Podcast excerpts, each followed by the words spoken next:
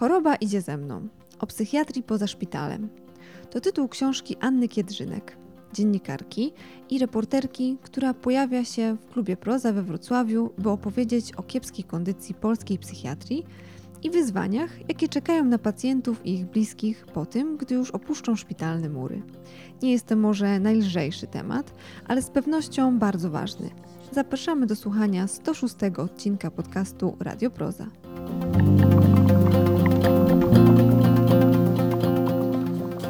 Dobry wieczór Państwu. Ja się nazywam Patrycjusz Śliwiński i chciałbym Państwa bardzo serdecznie powitać. Będę miał przyjemność porozmawiać z panią Anną Kiedrzynek, autorką książki Choroba idzie ze mną o psychiatrii poza szpitalem. Chciałem bardzo serdecznie powitać Państwa tutaj obecnych, jak i tych zebranych przed telefonami, komputerami, no bowiem jest ta rozmowa transmitowana. Mm, zacznę od wprowadzenia dotyczącego samej książki. Otóż zaproponowano mi mm, tę książkę parę dni temu w formie PDF-u. Nie podejmuję się mm, takich zadań, zanim nie przejrzę, o czym jest książka. I po 20 stronach stwierdziłem, warto. Następnie dotarła ta książka do mnie impostem, o właściwie przesyłką um, i y, zanurzyłem się w lekturę. I im głębiej się zanurzałem, to tym bardziej odkrywałem siebie i swój świat dookoła, albowiem mieszkam niedaleko, między zakładem psychiatrycznym a więzieniem. I zacząłem przebiegać piętrami w mojej kamienicy. I po kolei. Sąsiadka, powiedzmy pod numerem X, od 20 lat gromadzi rzeczy w sposób niewywały. Nie da się przejść w mieszkaniu. Bardzo inteligentna osoba. Dwa piętra wyżej, choroba afektywna dwubiegunowa, Marek, wzloty i upadki, regularne wizyty w psychiatryku. Następnie mój przyjaciel, który zatańczył ze środkami psychoaktywnymi zbyt mocno i teraz obawia się, że śledzą go z kosmosu. Czy leżąca na, obok na półce książka Benek Kwieć, Kwiaciarz Marka Nowakowskiego, w której główny bohater widzi rzeczy. I zorientowawszy się, że jest tego tak dużo wokół mnie, nie umiałem odpowiedzieć na pytanie, co to jest.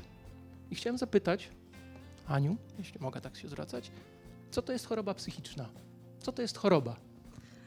O, wspaniałe pytanie. E, to znaczy tak, po pierwsze witam Państwa bardzo, bardzo serdecznie.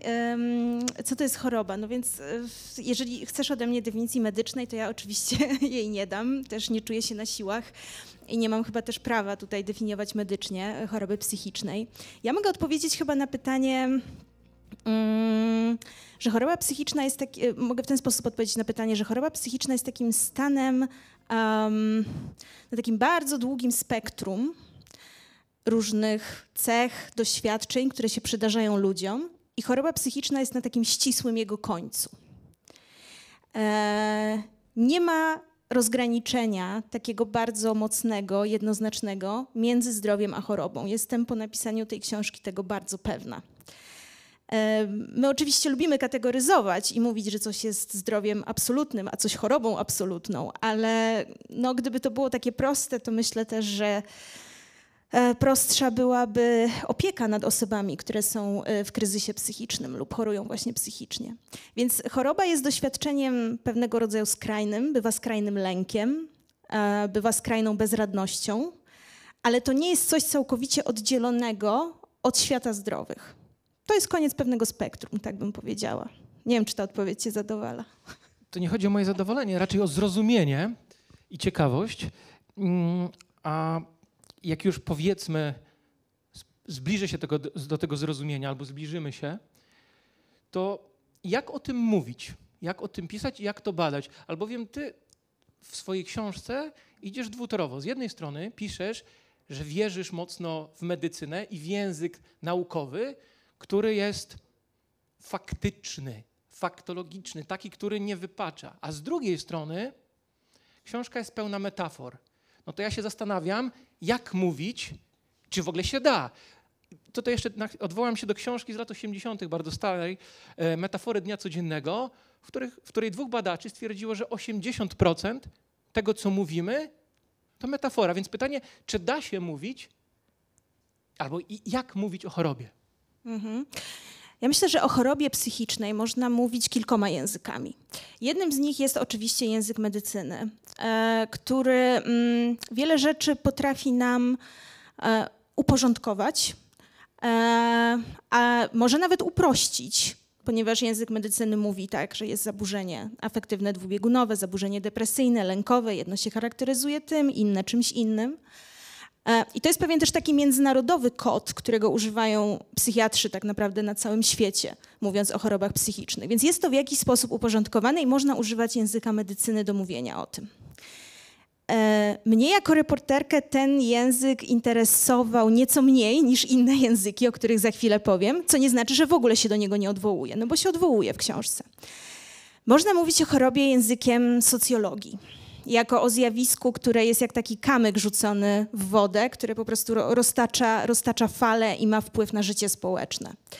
Można mówić o chorobie językiem metafory właśnie, takim bardziej poetyckim. Mi ten język się bardzo przydawał podczas pisania, ponieważ bardzo często moi bohaterowie, moi rozmówcy używali metafor do opisu swojej choroby.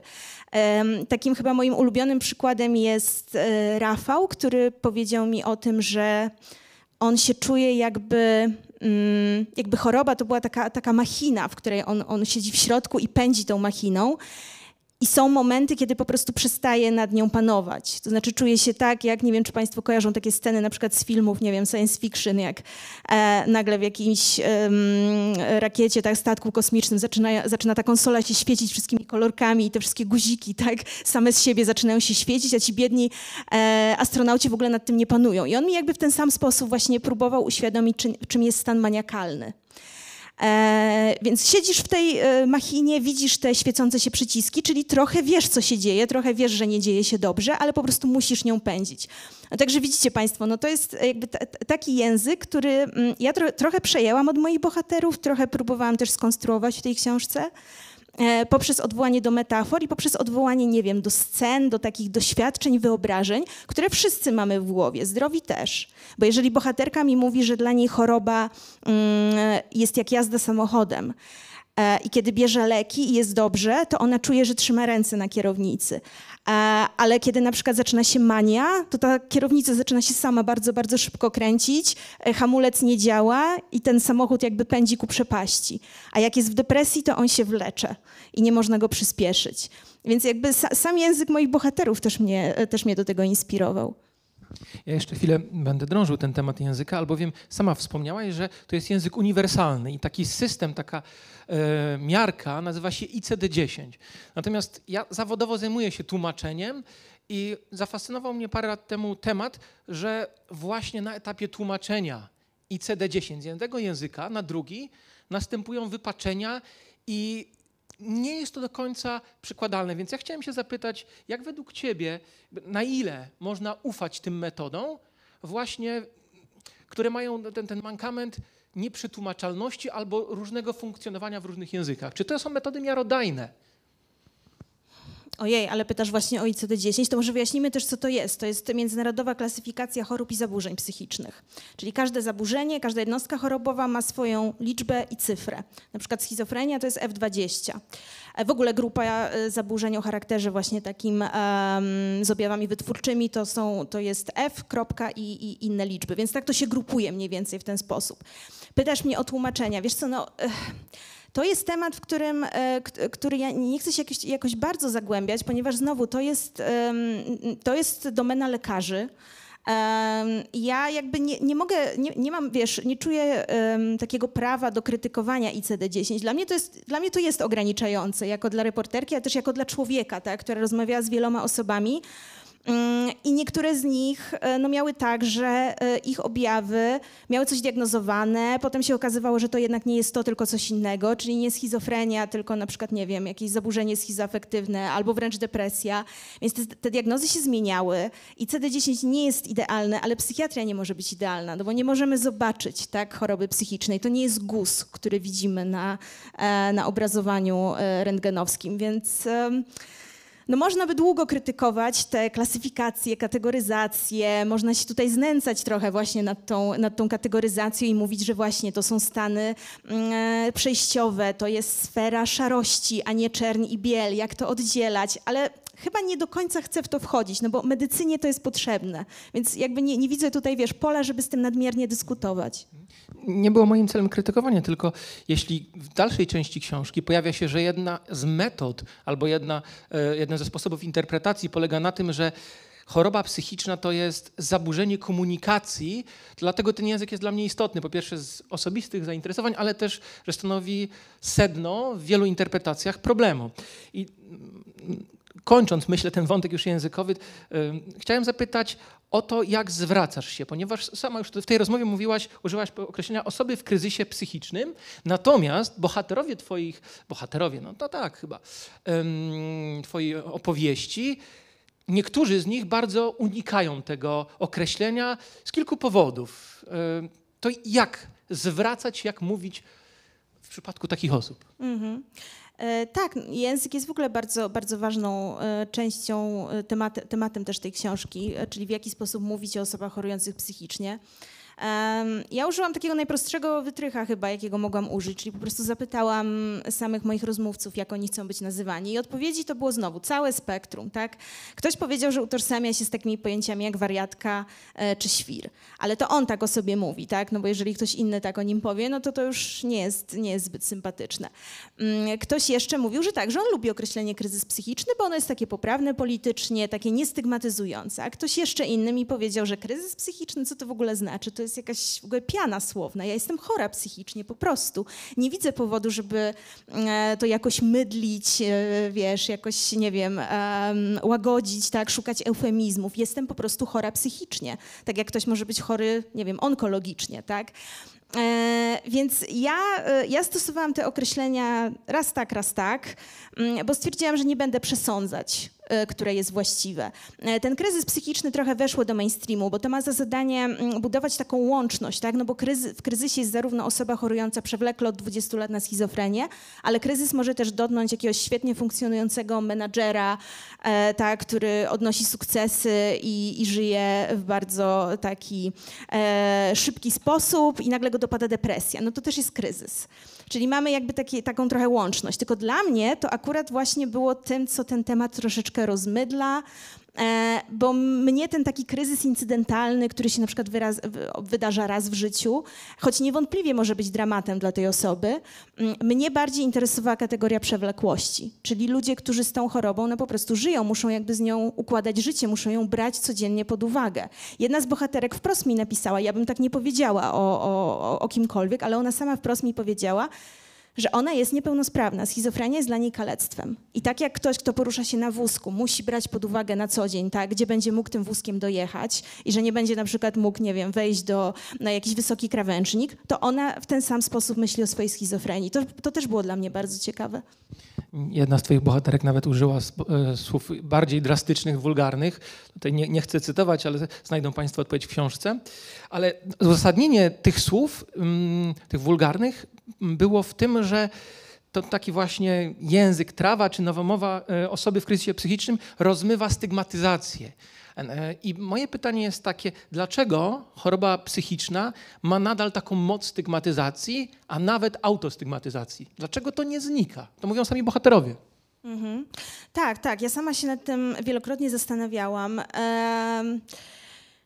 Jedna z odpowiedzi, która mi się e, narzuca, to taka, że mm, w chorobie psychicznej um, czasami, tutaj jakby z rozmysłem używam tego słowa, nie chcę powiedzieć rzadko, nie chcę powiedzieć często, czasami pojawia się element nieprzewidywalności. To może być agresja, ale może być też po prostu dziwne zachowanie. Może być, nie wiem, tak jak jedna z moich bohaterek biegała po ulicy nago z kubłem farby na głowie e, w epizodzie psychotycznym. Więc to jest jakiś element takiej dziwności, nieprzewidywalności. I zaraz do tego przejdę, bo te, o tym trzeba też mówić mądrze i ostrożnie. Mm, e, natomiast przez sam fakt, że tego typu rzeczy się w chorobie zdarzają, w zaostrzeniach choroby, sprawia, że ona pozostaje, jak ja to nazywam, trochę na peryferiach dziwności. I myślę, że zawsze tak będzie, no bo jesteśmy jakby trenowani od dziecka do życia w społeczeństwie. Wiemy, co przystoi, co nie przystoi, e, co jest w danej sytuacji poprawnym zachowaniem, a co jest dziwacznym zachowaniem. Mm, I jeżeli jakby ten, ten trening nie zostanie zmieniony, a nic nie wskazuje na to, żeby tak się stało, no to bieganie e, nago po ulicy no nie będzie nigdy się mieściło tak w katalogu zachowań e, pożądanych czy neutralnych. E, więc, e, więc ten element nieprzewidywalności występuje. I dlaczego chciałam teraz podkreślić, że trzeba o tym mówić jakby z ostrożnością i mądrze? Ano dlatego, że to, co ja zawsze powtarzam, to nie jest codzienność osób chorujących. To znaczy takie rzeczy z, tego, z tych peryferiów dziwności, one się wydarzają w zaostrzeniach. A zaostrzenia u niektórych są co kilka miesięcy, u niektórych co kilka lat, a u niektórych się wydarzą raz w życiu albo dwa razy w życiu. Więc e, tutaj tak trzeba ostrożnie, że ten element jest i ja myślę, że to on jakby cały czas ciągnie chorobę psychiczną właśnie w kierunku tego obszaru wstydu, naznaczonego wstydem. Natomiast e, no nie jest to jakby codzienność tak, osób, osób chorujących, ale do tego pewnie jeszcze, jeszcze przejdziemy. E, wspomniałeś o autostygmatyzacji. To jest, proszę Państwa, taka... Mm, taka kategoria, którą też jakby poznałam pisząc tę książkę, czyli powiedziała, powiedziały mi o tym psycholożki z Centrum Zdrowia Psychicznego e, na Mokotowie w Warszawie. E, jedna z nich w ogóle pisze doktorat na temat autostygmatyzacji. To jest takie poczucie pacjenta wewnętrzne, że on jest kimś gorszym, bo ma chorobę psychiczną.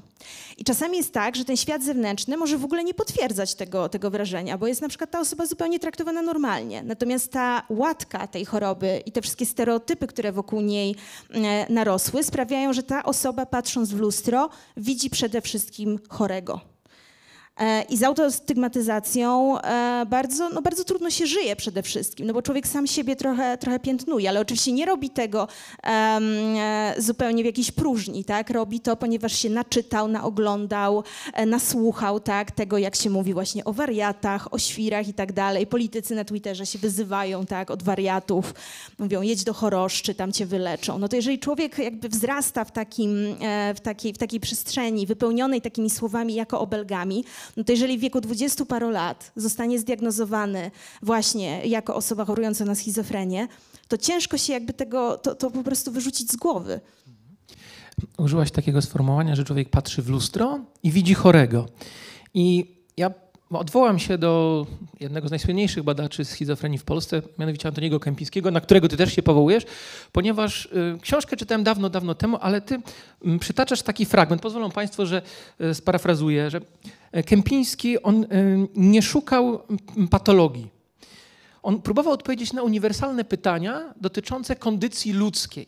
Ale co więcej, e, większość z nas nie jest gotowa na te odpowiedzi, ponieważ według Kępińskiego, oczywiście to jest trawestacja, widzimy w jakimś sensie, tak jak Ania użyła, spektrum, że to, że to my tam jesteśmy. I teraz moje pytanie, co zrobić z tym z tą niechęcią, z tym lękiem przed tą prawdą, którą choroby psychiczne nam pokazują, otwierają, że to my jesteśmy albo możemy być.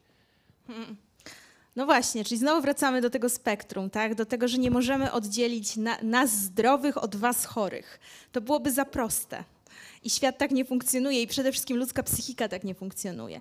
E, tak, Kępiński szukał łączności e, między zdrowymi a chorymi. Mm, i ja chyba, w ogóle chyba pisząc o ludziach ze schizofrenią, siłą rzeczy pozostaje się trochę w tej orbicie Kępińskiego. Um, no ja jakby bardzo, bardzo silnie się fascynowałam kiedyś jego, jego podejściem, mm, jego twórczością. Um, I to, co chyba jest ważne um, i co możemy nadal właśnie czerpać od Kępińskiego, to takie... To taka umiejętność zwrócenia się jakby ku sobie pod takim kątem, że tak, mnie też może to spotkać, ja też mam w sobie jakiś zalążek szaleństwa, bo każdy z nas ma.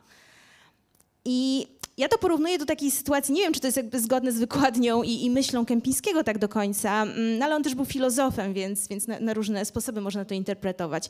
Ale ja sobie tak czasami myślę... Mm, nie wiem, czy mieliście Państwo kiedyś takie uczucie, e, jak wracaliście do domu późnym wieczorem na przykład i było już ciemno, było tak trochę nieprzyjemnie i, i na przykład może Wam się wydawało, że ktoś Was śledzi albo ktoś się Wam przygląda, ale wcale nic na to nie wskazywało. Po prostu mieliście gdzieś takie niejasne przeczucie z tyłu głowy. bo ja tak miałam, mi się, mi się to zdarzało i ja tak sobie myślę, że to jest trochę mm, taki zalążek na przykład, nie wiem, trochę paranoicznego myślenia.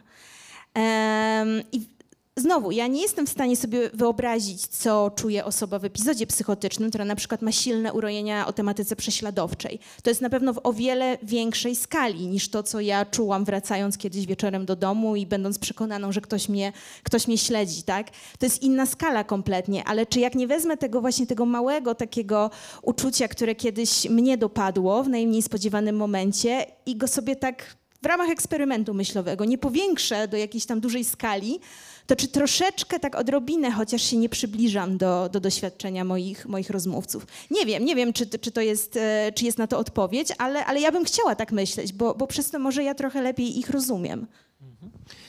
Mm, podtytuł twojej książki to o psychiatrii poza szpitalem.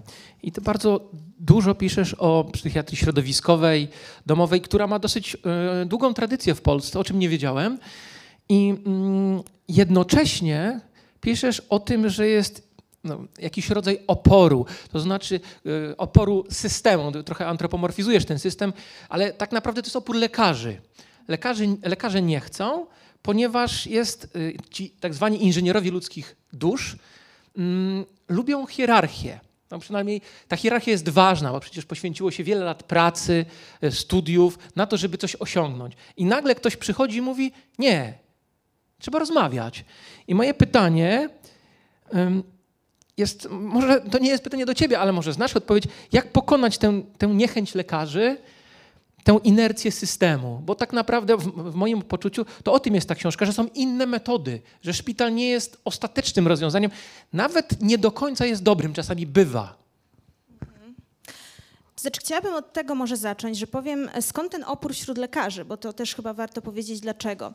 E, lekarze w Polsce, psychiatrzy, są bardzo przywiązani właśnie do leczenia szpitalnego, leczenia tak zwanego łóżkowego, e, czyli właśnie takiego, które się odbywa w murach instytucji.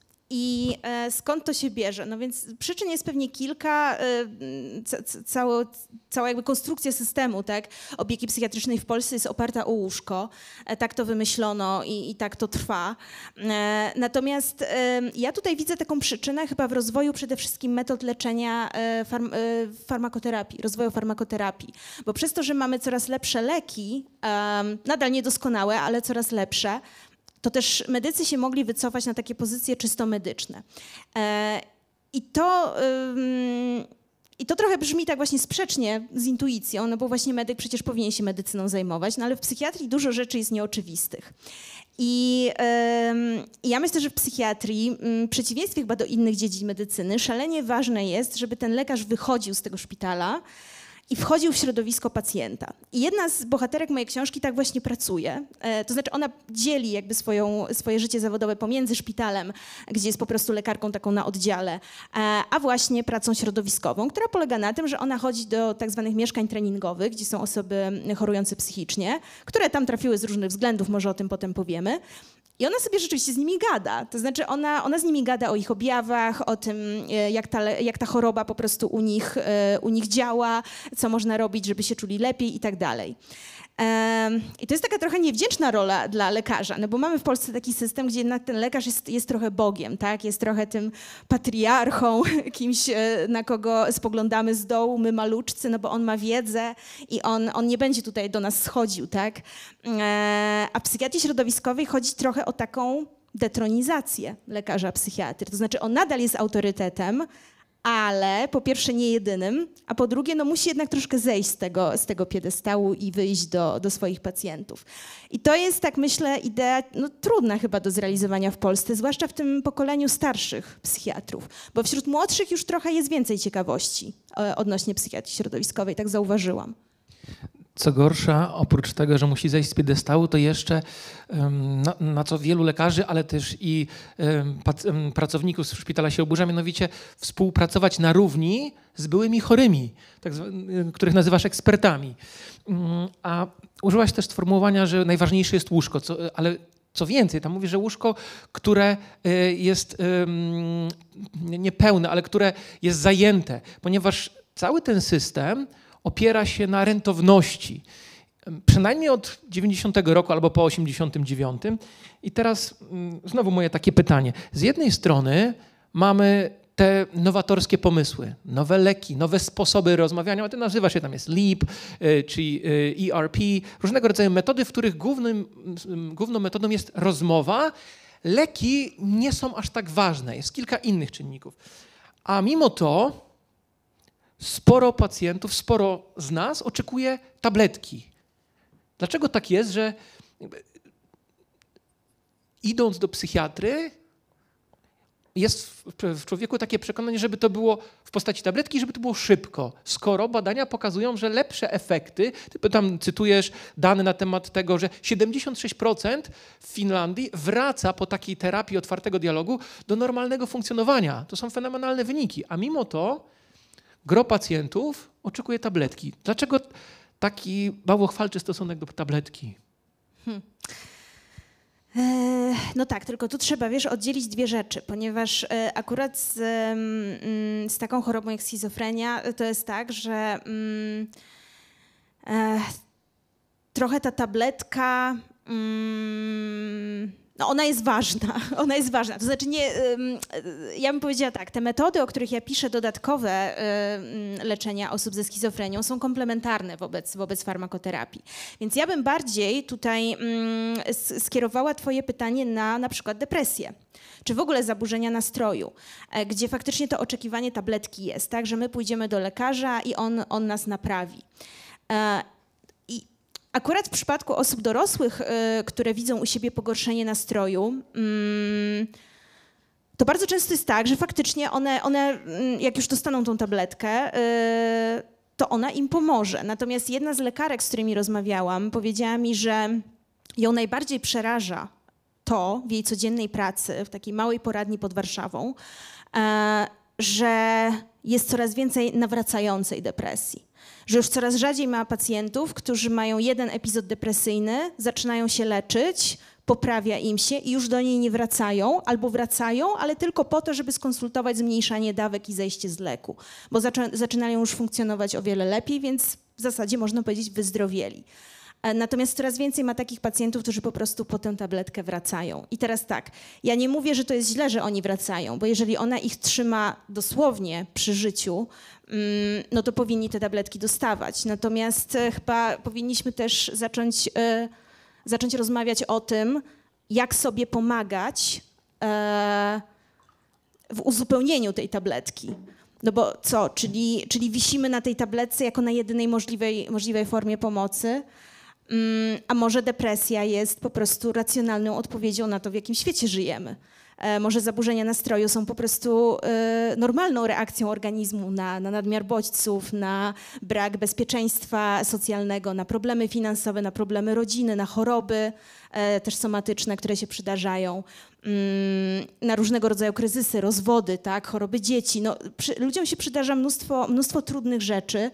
Mm, I nie wiem, może gdyby dostawali lepsze wsparcie takie, takie społeczne, e, to może ta tabletka, można by ją szybciej odstawić i może już po nią nie wracać. Nie wiem, nie wiem. To jest też, proszę Państwa, to są, to są moje jakby takie refleksje, ale też e, one wynikają z rozmów z lekarzami, że ich właśnie najbardziej niepokoi to, że ludzie ciągle po te leki wracają. Wielu z Twoich bohaterów właśnie mówi o tym, że relacje, miłość, bliskość są bardzo istotne, że leki jak najbardziej pomagają, ale bez tego bezpieczeństwa, które daje właśnie drugi człowiek, ale też bez, mówiąc brutalnie, bez forsy, trudno, trudno się zdrowieje. I to o tym też piszesz. Mm, wrócę do, do, do tej zmiany albo do, tych, do tej wielotorowości w psychiatrii, mianowicie mm, wizyta, to wiem z doświadczenia rozmów z moimi znajomymi. Trwa, u psychiatry trwa 9 minut. E, przy czym Parę minut e, poświęcone jest na wypisywanie, wpisywanie do komputera, natomiast rozmowa pewnie około 5-6 minut. I moje pytanie jest, czy polska psychiatria jest gotowa na tą ewolucję, rewolucję? Czy to w ogóle jest możliwe, zważywszy na to, że ten program, którym, w ramach którego to jest realizowane, kończy się 20, 2023 e, roku, czyli już niedługo, ten program pilotażowy. Czy polska psychiatria jest gotowa na te zmiany? biorąc pod uwagę rentowność? No nie, nie jest gotowa, bo po pierwsze y, ciągle y, się na psychiatrii oszczędza i ciągle jest za mało pieniędzy. Tylko żeby było jasne, proszę Państwa, ja mam mm, coraz mniej jakby mam takie złudzenia, że jak po prostu dosypiemy pieniądze, to nagle w polskiej psychiatrii zacznie być dobrze. No nie, ponieważ te pieniądze muszą być, zacząć, muszą być po prostu dobrze lokowane. E, one są teraz lokowane głównie w szpitalach. Znowu tu wracamy do szpitala, jako tego miejsca centralnego e, polskiej psychiatrii, wokół którego wszystko się kręci, a nie powinno. I e, to może powiem, bo może nie wszyscy Państwo wiedzą. E, ta reforma, o której Patryk wspomina, to jest e, obecnie jesteśmy w fazie pilotażu, już od pięciu lat nim jesteśmy, czyli takiej fazie testowej reformy, w ramach których mają powstawać centra zdrowia psychicznego. I to są takie placówki, do których jakby w założeniu ma przyjść człowiek na takim wczesnym etapie problemów z psychiką, czyli kiedy jeszcze ten jego kryzys psychiczny nie jest tak, taki bardzo rozkręcony, i uzyskać pomoc. I to może być pomoc właśnie wielorakiego rodzaju. To może być zarówno konsultacja z psychologiem, to może być konsultacja z terapeutą, być może długofalowa terapia, jeżeli będzie dostępny termin. E, no ale to może być też tabletka, a czasami pobyt w szpitalu albo jakaś interwencja kryzysowa. Więc takie centra mają mieć bardzo rozbudowaną, taką zróżnicowaną ofertę, żeby e, każda osoba z jakimś właśnie problemem psychicznym mogła z niej skorzystać. I co ważne, e, każdy, kto się do takiego centrum zgłosi, uzyskuje pomoc e, albo przynajmniej właśnie jakąś konsultację w przeciągu 72 godzin od zgłoszenia, czyli bardzo szybko. Jak to działa teraz? No więc działa bardzo różnie. E, jak to w Polsce mamy to, um, poziom działania tych centrów e, jest bardzo zróżnicowany e, w zależności od regionu, od kadry, um, od możliwości w danym centrum. Ja spotkałam się zarówno z opowieściami o centrach, które działają świetnie i zaraz powiem, co to znaczy świetnie, i z takimi, które działają w ten sposób, że trochę markują swoje działanie. E, nie chcę tutaj może używać takiego kategorycznego stwierdzenia, że tych, które markują swoje działanie jest więcej, ale mam niejasne przeczucie, że może tak być. Natomiast te, które działają świetnie, mm, one e, realizują ideę psychiatrii środowiskowej w ten sposób, że poszerzają tę pomoc kierowaną do ludzi w kryzysie poza oddziaływania medyczne. Czyli te oddziaływania medyczne są, one nie znikają z pola widzenia. Tam jest psychiatra w takim centrum i można się do niego udać na konsultacje ale dodatkowo jest na przykład pracownik socjalny, który przeprowadza wywiad z taką osobą i się pyta: No dobrze, ale czy czuje się pan bezpiecznie? Jak wygląda pańska sytuacja mieszkaniowa, domowa, rodzinna? Mm, a może jest jakiś problem w domu, może z alkoholem, może z agresją? A jak praca wygląda? I po, tak, I po nitce do kłębka, tak, czasami można dojść może nie do jednej przyczyny tego problemu psychicznego, bo, bo kryzys psychiczny zazwyczaj ma wiele przyczyn, ale przynajmniej spróbować tak zmapować sytuację tej, tej osoby, żeby się rozeznać, jaka pomoc może być jej najbardziej potrzebna. Bo to czasami nie zawsze jest tabletka, a czasami to jest najczęściej tabletka plus coś. E, I centra, które to rozumieją, centra zdrowia psychicznego, działają bardzo dobrze. Natomiast no, nie wiem, ile w skali kraju to rozumie. Myślę, że no, jakiś procent, nie wiem jaki. Powiedziałabym, że może, nie wiem, kilka procent. A czym e, wspomniałeś właśnie o szpitalu jako jednostce centralnej e, tego systemu, to właśnie chciałem zapytać, czym jest ten szpital? Bo z jednej strony, strony twoi bohaterowie mówią, że to jest instytucja totalna, niemalże nazistowska, w której musi być porządek, która upupia, upokarza, mm, a z drugiej strony wydaje się być niezbędna dla wielu z Twoich bohaterów. Więc czym jest szpital psychiatryczny? Szpital, proszę Państwa, jest dla mnie absolutnie cudowną taką jakby metaforą też y, psychiatrii, ponieważ w szpitalu skupia się wszystko to, co jest w psychiatrii najbardziej fascynujące, czyli fakt, że nic nie jest w tej dziedzinie czarno-białe. E, nic nie jest jednoznaczne. E, to naprawdę bywa przeciekawe, bywa też frustrujące, jak się to bada i o tym pisze i o tym rozmawia, ale e, szpital, który nie jest tematem mojej książki tak, tak de facto, bo jest tematem tylko pierwszego rozdziału, ale, ale jest właśnie punktem wyjścia i jest taką pigułką, metaforą tego, jak, czym psychiatria jest. Mm, no i właśnie, to widać w opowieściach moich bohaterów, bo mi na początku naprawdę trudno było uwierzyć w to, że człowiek, któremu sanitariusze złamali rękę podczas zapinania go w pasy, znaczy najpierw gonienia go po korytarzu, jak uciekał, a potem przyciśnięcia do, y, do łóżka i złamania mu ręki i zapięcia w pasy, że ten sam człowiek mówi mi, e, szpital mnie uratował, szpital mi uratował życie. E, ja nie mam pretensji do tych sanitariuszy, to znaczy no słabo wyszło, potem nie musieli wozić na ortopedię, żeby tę rękę jakoś naprawić, ale, ale szpital mnie uratował. Ja bym rozniósł ten oddział, gdybym nie został powstrzymany. Mm, z kolei jeszcze inna bohaterka miała różne e, doświadczenia bycia zapinaną w pasy i w tych doświadczeniach znowu jest całe spektrum, bo ona zarówno doświadczyła totalnego upokorzenia i, i zniewolenia, czy to nie akurat w pasach, ale w izolatce, gdzie była zamknięta jakby wbrew własnej, znaczy no wbrew własnej woli, a, a o zapięcie w pasy sama poprosiła, bo, bo się bała po prostu, że sobie zrobi krzywdę. I jak ja słuchałam tych opowieści, e, to miałam tak, o kurczę, ja muszę jakoś to zmieścić w tej książce. To, to niesamowite bogactwo i różnorodność doświadczeń. Czyli z jednej strony w jednej historii, w jednym losie może być doświadczenie zniewolenia przez psychiatrię i złamania woli i uratowania życia. I to się wcale nie wyklucza. Więc szpital, tak w dużym skrócie, jest miejscem, w którym wydarza się jedno i drugie. I ratowanie życia, i, i łamanie ludzkiej woli, co też jakby znajduję fascynującym. Ja z kolei fascynującym znajduję zaburzenia obsesyjno-kompulsywne z kilku powodów. Po pierwsze, parę lat temu przeczytałem książkę Człowiek, który nie mógł przestać. I tam są takie, ty to nazywasz medialnymi tezami albo medialnymi historiami. Ja nie opowiadam dlatego, żeby Państwa zaszokować, tylko żeby zobrazować, czym to może być, jak to się przejawia, jak, jak trudne to jest w leczeniu i w zrozumieniu. A potem padnie pytanie, więc tam było, y, był jeden bohater, który tak bardzo się bał, że zachoruje, że jeździł codziennie do szpitala, że, bo może coś mu się wydarzyć. Ale w pewnym momencie ta myśl była tak natrętna, że zamieszkał pod szpitalem w samochodzie i 20 albo 25 lat w samochodzie czekał pod tym szpitalem. To było we Włoszech. Natomiast druga historia, tragikomiczna, ale bardziej tragiczna, a mianowicie dwóch, yy, dwaj bracia gromadzili rzeczy we własnym domu i gromadzili tego tak dużo, że uzbierało się 140 ton. I jeden z nich był niepełnosprawny, a drugi zamontował sieć e, pułapek, żeby nikim tego nie ukradł.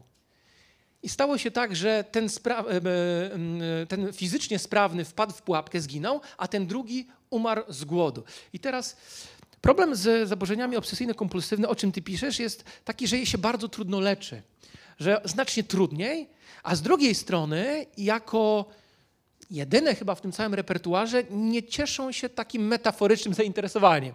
Ty porównujesz to do mm, performance'u Dada albo do klauna, że jeśli schizofrenia to jest monstrum, jeśli um, depresja to jest ciemny las, no to zaburzenia obsesyjno-kompulsywne, w których mamy myśl, lęk i to każda, to może być, że, być taka, że zamorduję swojego męża siekierką, albo że zgwałcę dwuletnie dziecko mojej siostry, tego jest mnóstwo, to się dzieli oczywiście na jakieś warianty.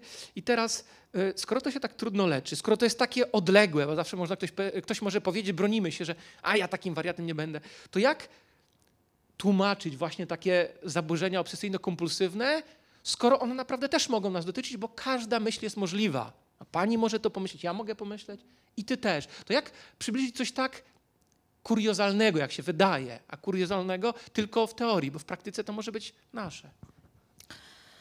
E, no i tutaj znowu znalazłam ratunek w języku metafor, bo jak rozmawiałam z bohaterami rozdziału, e, tu może wyjaśnię Państwu, zaburzenia obsesyjno-kompulsywne kiedyś funkcjonowało pod nazwą nerwica natręctw.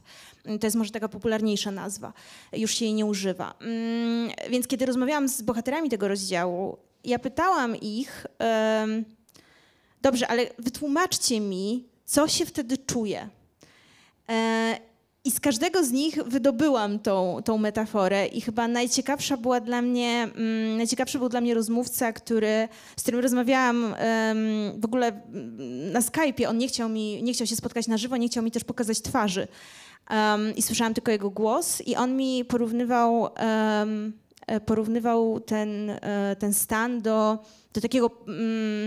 Jak on to nazwał, e, e, ognia, ognia w głowie, który, który się gasi mm, powtarzaniem pewnych czynności. E, i ja rzeczywiście, mając, mając te, te metafory od moich bohaterów, trochę próbowałam. Mm, no próbowałam tak przedstawić to zaburzenie, żeby pokazać jego tragizm, Um, bo mam takie poczucie, o, na przykład bohater Dnia Świra e, Marka Koterskiego, on, e, on, on cierpiał na zaburzenia obsesyjno-kompulsywne. Mm, no i to było pokazane w taki trochę śmieszno, śmieszno-ironiczny sposób, też było wpisane w jego kondycję tego smutnego polskiego inteligenta e, który, który sobie nie radzi z codziennością, która go przytłacza i który jest wiecznie czymś sfrustrowany i rozczarowany. Więc to zaburzenie obsesyjno-kompulsywne było takim elementem tworzącym tę postać, takim trochę dziwactwem lekkim, nieszkodliwym. Natomiast bohaterowie mojego rozdziału faktycznie e, opowiadali mi o, o wielkiej tragedii, o wielu godzinach zmarnowanego czasu mm, e, na czyszczenie klamek, na mycie rąk, na, na sprawdzanie, czy zamknęli drzwi. E, komuś na przykład zajmowało, nie wiem, dwie dwie godziny wyjście z domu, bo ciągle wracał i sprawdzał, czy na pewno te, czy na pewno te drzwi zamknął. Mm, więc, e, więc ja myślę, że ten język metafory tutaj okazał się, e, okazał się bardzo, bardzo przydatny mm, i oddanie głosu, dzięki któremu e, można było pokazać, nie wiem, właśnie taką gro, grozę i, i, i, i rozpacz i tragizm tego zaburzenia. Na czym mi zależało, bo główna bohaterka tego rozdziału, ona się zmaga z takim doświadczeniem, które chyba dla, jest uniwersalnie trudne, bo, bo ciążą i początkami macierzyństwa, które jak wiemy no, nie, nie jest nigdy niczym całkowicie różowym i pięknym, tylko e, zawsze niesie jakieś trudności dla, dla każdej kobiety, a, a ona jeszcze dodatkowo właśnie zmagała się z, z tym zaburzeniem, co jakby pogłębiało tak jeszcze bardziej e, jej cierpienie. Mhm. Na chwilę wrócę jeszcze do tej metody otwarty dialog. Jak sama nazwa wskazuje, polega na rozmawianiu. I ty posłużyłaś się odwołaniem do polityków i do Twittera. Ja sobie zadałem już wcześniej to pytanie, czy w kraju, mówię o tym kraju, w którym jesteśmy teraz, żyjemy, który nastawiony jest, ale nie jest to kraj wyjątkowy na polaryzację, na podkręcanie tego ognia, na dwa nastawiony jest na tworzenie obozów zwalczających się. Czy jesteśmy otwarci? Nie wiem, czy odpowiesz na to pytanie, ale takie mi się pojawiło w głowie. Czy jesteśmy otwarci na otwarty dialog? Tu może znowu słowo wyjaśnienia. E, otwarty dialog to jest takie podejście terapeutyczne stosowane w Finlandii. E, najczęściej w przypadku osób przechodzących epizod psychotyczny i polega trochę na takiej interwencji. To znaczy do osoby, która, e, która, e, która zaczyna chorować, wpada w objawy, przyjeżdża taka drużyna złożona nie tylko z lekarza, ale właśnie też psychologa, pracownika socjalnego, asystenta zdrowienia i oni próbują, mm, jak to jest nazywane właśnie w tym podejściu otwartego dialogu, przywrócić komunikację z osobą chorującą, bo przyjmuje się, że epizod psychotyczny e, jest takim złamaniem właśnie dialogu, komunikacji między, między tą osobą pogrążającą się w kryzysie, a zdrowymi. E, czy w Polsce jest możliwy otwarty dialog? O Jezu, no my w ogóle mamy problem z komunikacją.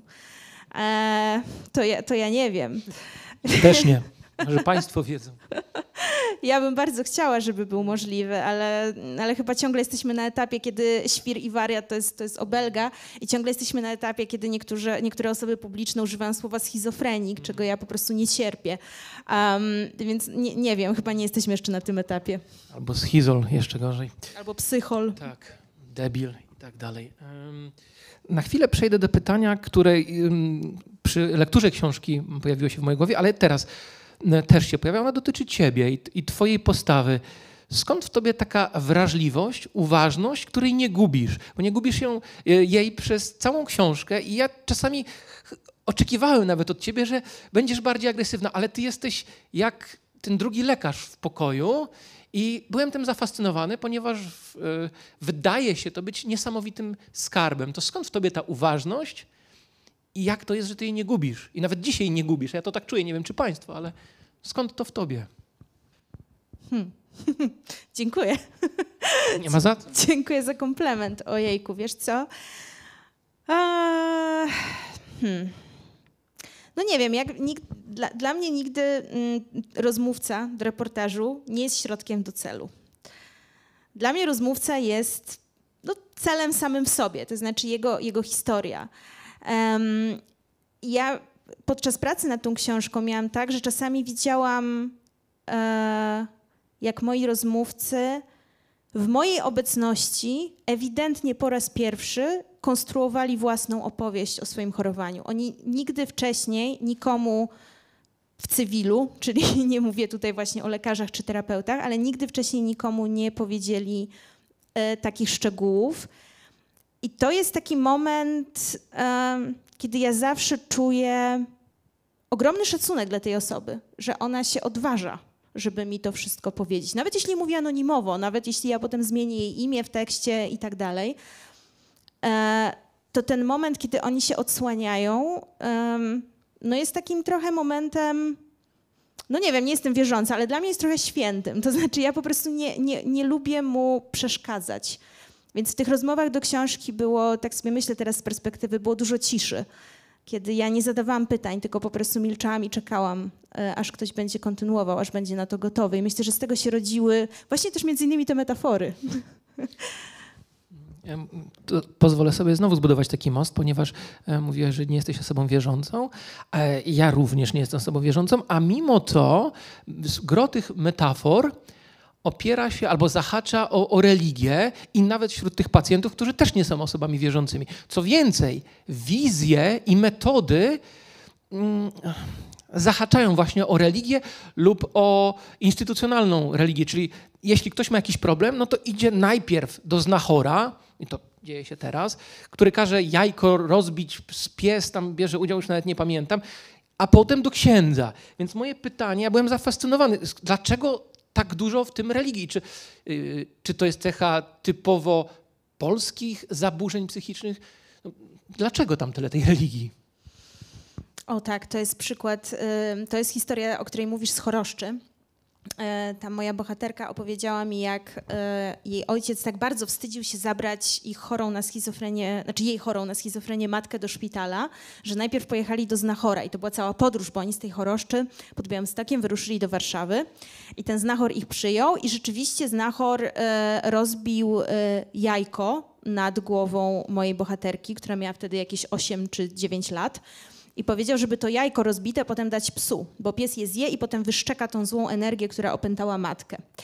E, to nie zadziałało, więc, e, ale nadal, nadal ojciec e, mojej rozmówczyni nie zabrał żony do szpitala, tylko, tylko w następnej kolejności do księdza. Ale ksiądz okazał się zdumiewająco przytomny i zdroworozsądkowy i powiedział, nie, nie, nie, to nie jest temat dla egzorcysty, proszę żonę zabrać do szpitala psychiatrycznego. Natomiast tak, no skąd ten skąd ten. E, wiesz, ja w ogóle myślę, że to jest trochę taka nasza potrzeba mm, udania się do, do instytucji po pomoc. I ja to też trochę, to można rozszerzyć, tak? No bo e, kościół kościołem, ale szpital też jest taką trochę e, instytucją mm, właśnie totalną, gdzie ten lekarz jest trochę takim kapłanem który ma dostęp do tajemnej wiedzy. A cała właśnie idea mm, tego odwrócenia myślenia o psychiatrii i mówienia o psychiatrii środowiskowej sprowadza się do tego, że trzeba poszukać trochę odpowiedzi w sobie. Czyli e, owszem, zapytać tego lekarza o radę, ale trochę bardziej jak w takim tak mi się kojarzy, takim kościele może bardziej protestanckim, gdzie ten pastor jest takim bardziej partnerem i się chodzi do niego po prostu porozmawiać przy kawie o życiu, a to nie jest tak, że on nad tobą stoi, prawda, z biczem i ci mówi, co robić albo czego nie. E, I w psychiatrii środowiskowej chyba, chyba właśnie ten lekarz jest, jest takim nie księdzem katolickim, tylko, tylko bardziej takim pastorem, z którym można sobie porozmawiać przy kawie, natomiast... E, e, ten wierny powinien szukać zasobów i siły w sobie, bo, bo w każdym, nawet najbardziej chorym człowieku e, jest jakiś element zdrowy. Albo i chory. Chciałem zapytać o cichych pacjentów. Piszesz o tym, że koszty, mm, jakie ponosi społeczeństwo, to nie jest tylko choroba danej jednostki. To jest, podajesz chyba takie statystyki, że jedna osoba do dziesięciu osób wokół siebie w jakiś sposób dotyka. I teraz y, kilkoro swoich bohaterów mówi o problemie z brakiem heroizmu. Głównie chodzi mi o tą sytuację, gdzie jest córka i mama. Mama chyba Basia ma na imię, a córka nie Iwona? Chyba tak. Iwona. Mhm. Tak. I ta Iwona mająca lat 22 mówi, że ona nie chce, nie, nie, właściwie już nie ma siły na heroizm. I, i, I, pytanie, jak sobie wybaczyć ten brak heroizmu, że nie, nie zostawimy wszystkiego, nie poświęcimy, że to jest za dużo. I to też powinno w moim odczuciu być akceptowalne, a jednak sporo ludzi ma z tym problem, z tym poczuciem, e, że to jest wstydliwe, że jednak trzeba do, ostatni, do ostatniej kropli krwi i potu pomagać. To jak poradzić sobie z tym właśnie brakiem heroizmu? To jest ogromny temat. E, I ku mojemu zdumieniu, kiedy się nim zajęłam trzy lata temu, bo tutaj mówimy o temacie bliskich osób chorujących na ciężkie, przewlekłe choroby psychiczne, w ogóle tak naprawdę nieporuszany prawie w Polsce. E, I chyba poza Polską też nie za bardzo, bo, bo, nie trafiłam nigdzie na jakiś tekst, który by mi to jakoś tłumaczył, objaśniał, pokazywał sytuację tych osób. Proszę Państwa, proszę sobie wyobrazić, w Polsce mm, na schizofrenię choruje nieco mniej niż 400 tysięcy osób. To jest sporo, to jest prawie pół miliona. Na chorobę afektywną dwubiegunową, która też ma często charakter, charakter przewlekły, choruje prawie milion osób. I teraz, e, no to już mamy prawie półtora miliona e, osób wykazujących objawy, czasami destabilizujące, utrudniające życie, codzienność. Mm, I teraz te półtora miliona ludzi ma rodziny. E, ma rodziny najbliższe, ale też dalsze, ma przyjaciół, ma sąsiadów, ma ludzi, którzy są świadkami tej choroby i towarzyszami w niej. To jest ogromna rzesza ludzi, o której w ogóle się nie mówi i nie pisze. E, a ja w ogóle samym tematem psychiatrii zaczęłam się, zajęłam się właśnie dlatego, że zaczęłam najpierw rozmawiać nie z chorymi, tylko z ich rodzinami. I to były często rodziny w rozpaczliwej sytuacji. To znaczy w takiej, w których chory nie chce się leczyć, odmawia brania tabletek, wpada raz po raz w objawy, ma epizody psychotyczne itd., tak itd. Tak e, I ci ludzie mm, otaczający go E, no po prostu są, są niewidzialni, a ich problemy się piętrzą z dnia na dzień. E, ich sytuacja bywa rozpaczliwie trudna. I ta historia, do której się odwołujesz, to jest historia, która się znalazła w książce dziewczyny, która postanawia oddać swoją chorą na schizofrenię mamę do, e, do DPS-u. I to nie jest takie proste, bo ta mama do tego DPS-u nie chce iść, więc Iwona robi wszystko, żeby ją tam umieścić bez jej woli, czyli z wyroku sądu. E, I ja rozmawiając z Iwoną, ja musiałam troszeczkę z, sama zejść z takich oczekiwań, że dostanę historię poświęcającej się córki, która właśnie wchodzi na tę drogę heroizmu, żeby tej matce za wszelką cenę pomagać. Nie, ta Iwona czuje, że już wykorzystała absolutnie wszystkie możliwości, które miała i teraz jedyne, co może zrobić, to scedować ten ciężar opieki nad matką na ludzi wyspecjalizowanych do tego, ale nie będących rodziną. Eee, i to też było dla mnie, dla mnie fascynujące, że ona tak, tak bardzo wprost o tym mówi, tak, tak w ogóle bez żadnych y, zahamowań mówi, ja nie chcę być heroską. I tłumaczy mi dlaczego i to jest bardzo uzasadnione. I, i ja jej słuchałam i, y, i nie przyszło mi do głowy, żeby ją źle oceniać na przykład. Więc, więc tak, więc rodziny osób chorujących bywają w trudnej sytuacji, nie mają tak naprawdę znikąd pomocy. E, ale też nie przysługuje im to współczucie, które rezerwujemy dla chorych, bo o ile jeszcze właśnie osobie z diagnozą jesteśmy w stanie pomyśleć, tak nawet jeżeli jej zachowanie nas dziwi czy szokuje, że no ona jest jednak taka biedna i jej współczuć, no to ta rodzina, no to jeżeli się nie opiekuje, jeżeli się poddaje, no to oni nie zasługują na nasze współczucie, prawda? No. Powinni się poświęcić, prawda, i cierpieć. Um, a skąd taka fascynacja czy mm, opowieść o chorobach psychicznych, które stają się medialne. Jedna z Twoich e, bohaterek mówi o tym, że na początku, otrzymawszy diagnozę, fascynowała się, że należy do wybitnego klubu artystów, którzy cierpieli na chorobę afektywną dwubiegunową, ale dość szybko zorientowała się, że to są po prostu bzdury, farmazony. A jednak gro z nas ekscytuje się, że to jest coś ciekawego, fajna opowieść. W moim poczuciu, po lekturze twojej książki, nie wydaje się to być fajna opowieść. To skąd ta ekscytacja, skąd ta mediatyzacja taka, że to jest wow. Mm. Są zaburzenia i choroby psychiczne bardziej podatne na taką romantyzację i takie, które są mniej podatne. Y, choroba afektywna dwubiegunowa jest bardziej podatna, ponieważ występują w niej stany maniakalne lub hipomaniakalne, kiedy osoba na przykład w ogóle tryska kreatywnością, nie śpi, maluje, tworzy, komponuje. No, czasami tak jest, ale częściej robi kompulsywne, znaczy impulsywne zakupy w sklepach internetowych, zadłuża się, sprzedaje dom albo wysyła papiery rozwodowe w czasie e, w stanie manii. Więc, e, więc myślę, że ten, ten wybuch kreatywności związany właśnie z chorobą efektywną dwubiegunową może nas fascynować. E, to jest też coś, co można znaleźć w filmach, w różnych takich przedstawieniach popkulturowych.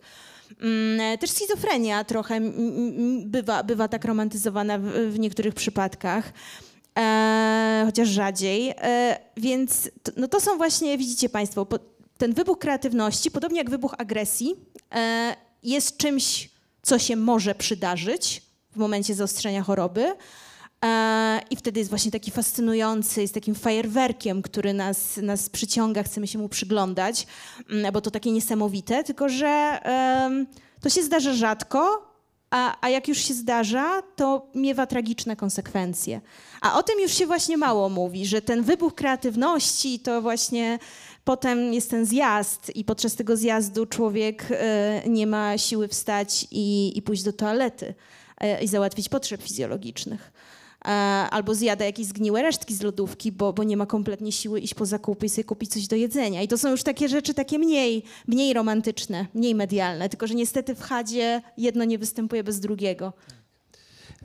Myślę, że to już będzie moje ostatnie pytanie. A co zrobić z tymi, którzy e, szukawszy schronienia w tej baśni, jak ty to używasz kolejnej metafory, chcą tam pozostać, ponieważ jest to bezpieczne miejsce. Na przykład mm, wspominasz o kobiecie, która wyobrażała sobie, że jest syreną i ma skarb pod sobą, ale jej życie realne było tak ciężkie, że sam się zastanawiałem, czy to nie jest lepsze dla niej rozwiązanie, żeby przetrwać. Więc ja chciałem zapytać, a co zrobić z tymi, którzy chcą w tej baśni zostać, którzy nie chcą wracać? E, dbać o nich, dawać im wsparcie.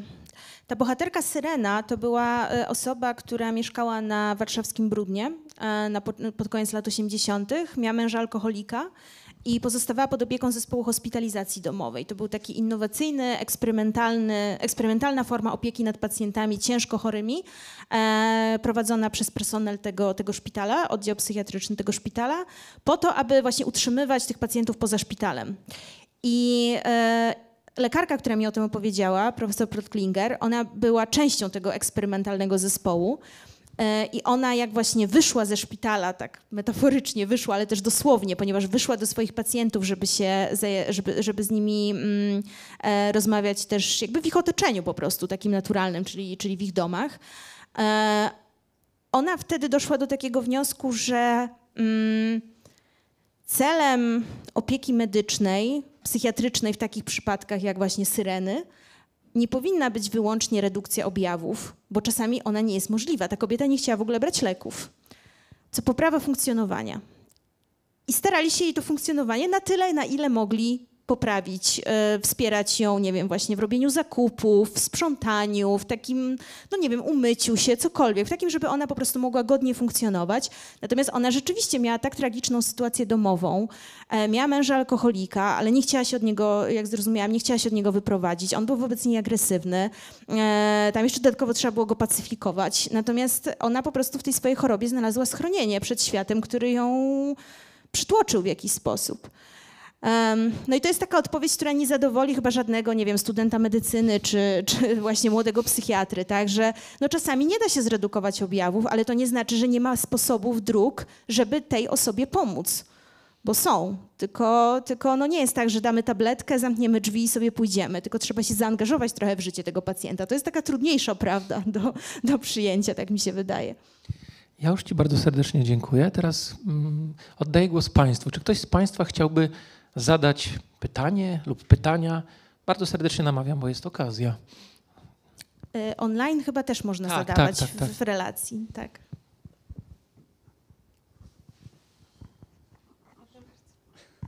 Ja bym się chciała e, zapytać, skąd tu Pani e, zaczęło się zainteresowanie chorobami mózgu i ponieważ książkę Pani napisała z dużą czułością, dbałością, wrażliwością o ludzi, z którymi Pani rozmawiała, to czy Pani uważa, że bardziej u tych ludzi był chory mózg czy dusza? Mhm. Dobrze, to w zasadzie dwa pytania, więc, więc zacznę od tego pierwszego. E, zainteresowanie zaczęło się dość banalnie, można powiedzieć, bo od wywiadu, który przeprowadziłam 4 lata temu z dziewczyną właśnie chorującą na schizofrenię, to była pierwsza chyba osoba ze schizofrenią, która um, um, z którą się tak naprawdę zetknęłam tak bliżej. To znaczy, że po prostu musiałam, znaczy musiałam, no chciałam z nią porozmawiać. To było jeszcze w ramach takiej mojej działalności, powiedzmy, dziennikarskiej, e, codziennej, bieżącej. E, pracowałam dla jednego z portali wtedy i i to była dziewczyna, y, Kasia, może nas ogląda, jeśli tak tę pozdrawiam.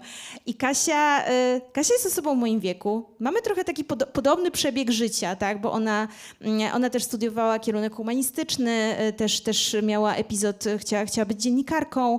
Mm, i ja widzę dużo podobieństw między, między mną i Kasią. W ogóle ktoś z naszych wspólnych znajomych powiedział mi niedawno, że my w ogóle jesteśmy podobne fizycznie też. I, i jak zobaczyłam dziewczynę o podobnym trochę przebiegu losu jak mój, że też studia, też jakieś tam ambicje, tak, e, pierwsza praca, a w międzyczasie epizod chorobowy. Mi się to nie przydarzyło, jej tak. I, I to był taki moment, kiedy zrozumiałam, że kurczę, widzę przed sobą kogoś takiego jak ja, tylko, że jakby ten jeden element, tym jednym elementem się różnimy, że ona doświadczyła epizodu psychotycznego, dostała diagnozę schizofrenii i musi sobie z tym układać życie. Mm, I pamiętam, że, że to było dla mnie takie niesamowite właśnie doświadczenie, żeby, żeby właśnie mm, zobaczyć, że ta osoba chora to nie jest jakiś dziwoląg w cudzysłowie, Oczywiście ja tak nie myślałam, no bo wiadomo, ale, ale mimo wszystko, czym innym jest teoria, a czym innym praktyka. Znaczy mogłam tak nie myśleć, ale dopiero jak spotkałam osobę tak bardzo podobną do mnie w zbliżonym wieku, właśnie z diagnozą i zobaczyłam, że ta osoba się niczym ode mnie tak naprawdę nie różni, no to wtedy jakby dotarło do mnie z pełną mocą, jak bardzo ta, ta stygmatyzacja i ten wstyd wokół chorób psychicznych jest czymś, z, tym, z czym ja powinnam też jako dziennikarka pracować żeby właśnie pokazywać, tak, żeby te, żeby te stereotypy tak trochę e, z tego tematu, e, nie wiem, tak odłupywać, tak, jak, jak taki rzeźbiarz po prostu i e, no i tak, i, i myślę, że to było takie doświadczenie dla mnie bardzo, bardzo formujące jako dla reporterki. Natomiast czy są to bardziej choroby mózgu, czy choroby duszy? No to ja myślę, że cała ta książka to jest trochę namysł nad tym. E, to znaczy, na ile właśnie, mm, tu wracamy trochę do początku, e, czyli na ile właśnie można choroby psychiczne opisać językiem medycyny, a na ile językiem metafory. Mi chyba język metafory jest bliższy, też jako, jako humanistce, jako osobie piszącej, więc skłaniam się trochę ku tej duszy, e, a przede wszystkim skłaniam się ku temu, żeby nie stawiać tej, tej, tej biologicznej strony chorowania, e, czyli właśnie tego, tego chorego mózgu jakby na piedestale. No bo jeżeli chodziłoby wyłącznie o chory mózg i wyłącznie o to jedno miejsce, które można wskazać i wyleczyć, no to rzeczywiście wystarczyłaby tabletka i nic więcej. A jak cała ta książka y, wskazuje, no to chyba jednak tabletka to jest za mało, więc chyba to nie jest tylko i wyłącznie choroba mózgu.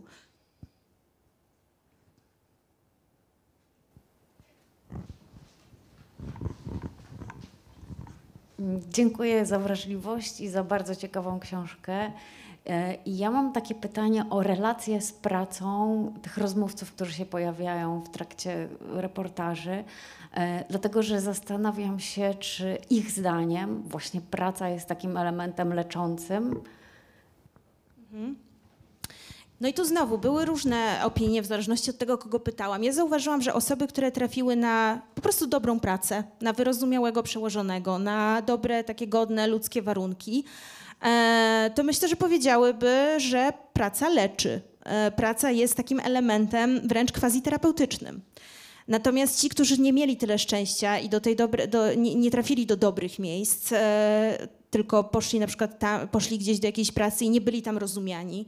Mm, e, nie było też, e, nie było przede wszystkim zrozumienia, dlatego że oni mogą się gorzej poczuć i że taka jest natura niektórych zaburzeń, że bywają nawroty, że stres bywa dla takiej osoby mm, bardziej ryzykowny tak, niż dla osoby zdrowej. No to z, z takimi doświadczeniami e, często wychodzili z takiej pracy po prostu poranieni. E, więc myślę, że tutaj dużo zależy od tego, jaka ta praca jest. E, myślę też, że tego się z kolei nauczyłam e, od jednego z krakowskich psychiatrów, który mi mówił, że nie każda osoba w kryzysie psychicznym, tak przewlekle ciężko chorująca, mm, jest w stanie pracować. Po prostu, bo czasami te objawy za bardzo dają w kość. To nie jest może większość przypadków, to są niektóre przypadki, ale też nie należy mm, tak naiwnie myśleć, że, że praca uleczy tak, wszystkie, wszystkie osoby chorujące. Są takie przypadki, kiedy w zasadzie możliwa jest tylko mm, na przykład, nie wiem, warsztaty terapii zajęciowej, gdzie się przychodzi na kilka godzin w ciągu dnia, e, dłubie jakieś rękodzieło, tak, coś maluje, robi jakieś origami i są takie miejsca w Polsce. I tam przebywają też osoby e, z, z, taką niepełnosprawnością wynikającą z właśnie choroby psychicznej. Więc ja myślę, że nie tyle praca jest lecząca, co w ogóle bycie wśród ludzi. Jakakolwiek aktywność, która wyciąga z łóżka i zapobiega tak zwanemu sufitowaniu, czyli, to, czyli te, takiej sytuacji, w której człowiek po prostu leży, taki przymulony tymi, tymi lekami i patrzy w sufit i nic nie robi i jest nieaktywny. Myślę, że to jest najgorsze i to, to najbardziej... Um, no, na dłuższą metę chyba po prostu e, no, ogranicza życie i też, i też zabiera sporo takiemu człowiekowi, odbiera. Więc nie tylko praca, ale po prostu aktywność, myślę, wśród ludzi.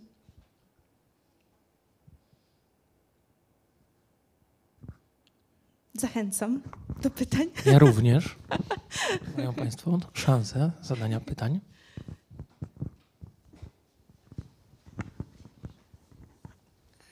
To ja bym się chciała zapytać, czy mogłaby Pani opowiedzieć o trudnościach związanych z pracą nad książką i też o takim obciążeniu psychicznym? W sensie, jak Pani to czuje i na ile to było silne, powiedzmy? Ech, no trudności były różnorakie na, na, wielu, na wielu poziomach. E, Myślę, że dla mnie zawsze najłatwiejsze jest zbieranie materiału i rozmowy. E, Trudniejszy jest etap pisania, ale się, tym się chyba nie różnię od zbyt wielu osób, e, osób piszących, reporterów. Mm, Jeśli chodzi o, o obciążenia psychiczne, o, może jeszcze dodam do tych trudności, że chyba, chyba też trudny moment był takiej konfrontacji niektórych bohaterów, rozmówców z gotowym tekstem. E, To, jest, to w ogóle bywa trudne w reportażu, a już przy tak delikatnym, wrażliwym temacie, kiedy człowiek się odsłonił przede mną, pokazał, co tam mu się kotłuje w głowie, a potem na przykład czytał to rok później, e, to już trochę się na przykład w tym nie odnajdywał.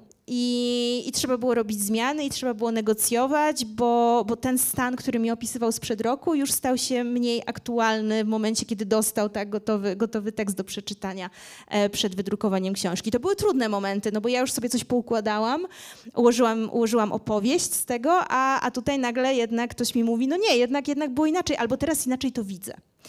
E, więc tak, więc to było trudne.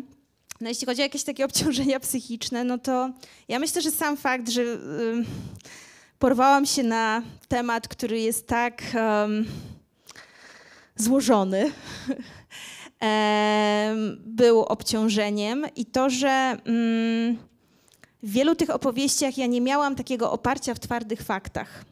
Tylko y, musiałam się opierać na interpretacjach, na słowach, na metaforach właśnie moich, moich rozmówców. Mm, to jest taka bardzo płynna materia, em, w przeciwieństwie do takiego dziennikarstwa na przykład twardego, jak dziennikarstwo śledcze, gdzie celem dziennikarza jest przede wszystkim ustalić fakty. I moim celem też było ustalić fakty. Ja starałam się zmieścić w tej książce sporo takich właśnie tw- no, twardych jak twardych, ale trochę statystyk, trochę e, wyników badań, e, trochę jakichś właśnie raportów. To, to wszystko też tam jest. Natomiast to nie jest główna materia tej książki. Główną materią były na przykład czyjeś przeżycia e, czyjś stan wewnętrzny, krajobraz wewnętrzny, to jak on się zmieniał, to jak ta osoba się z tą swoją chorobą boksowała, jak z nią walczyła, jak się jej poddawała, albo wręcz przeciwnie, jak z nią wygrywała. I e, to, to snucie opowieści właśnie z tych, z tych stanów wewnętrznych, z tej, z tej walki wewnętrznej, to było dla mnie trudne, bo, bo właśnie nie miałam tego oparcia i, i musiałam ufać, że dobrze zrozumiałam też tego mojego rozmówcę, a przecież nie mogłam ich tak bez przerwy ciągle męczyć. To znaczy wiadomo, że z każdym rozmawiałam zazwyczaj minimum po dwa razy, ale no mimo wszystko na koniec zostajesz, zostaję ja i muszę skonstruować opowieść. I w tej opowieści będzie trochę tego rozmówcy, a też trochę mniej. Teraz muszę też to jakoś, jakoś wyważyć, więc, więc to chyba było trudne i też takie obciążające psychicznie. To chyba kończymy. Kończymy. Dziękujemy Państwu Dobrze, bardzo. dziękuję bardzo. Ja bardzo Ci dziękuję. Dziękuję Państwu.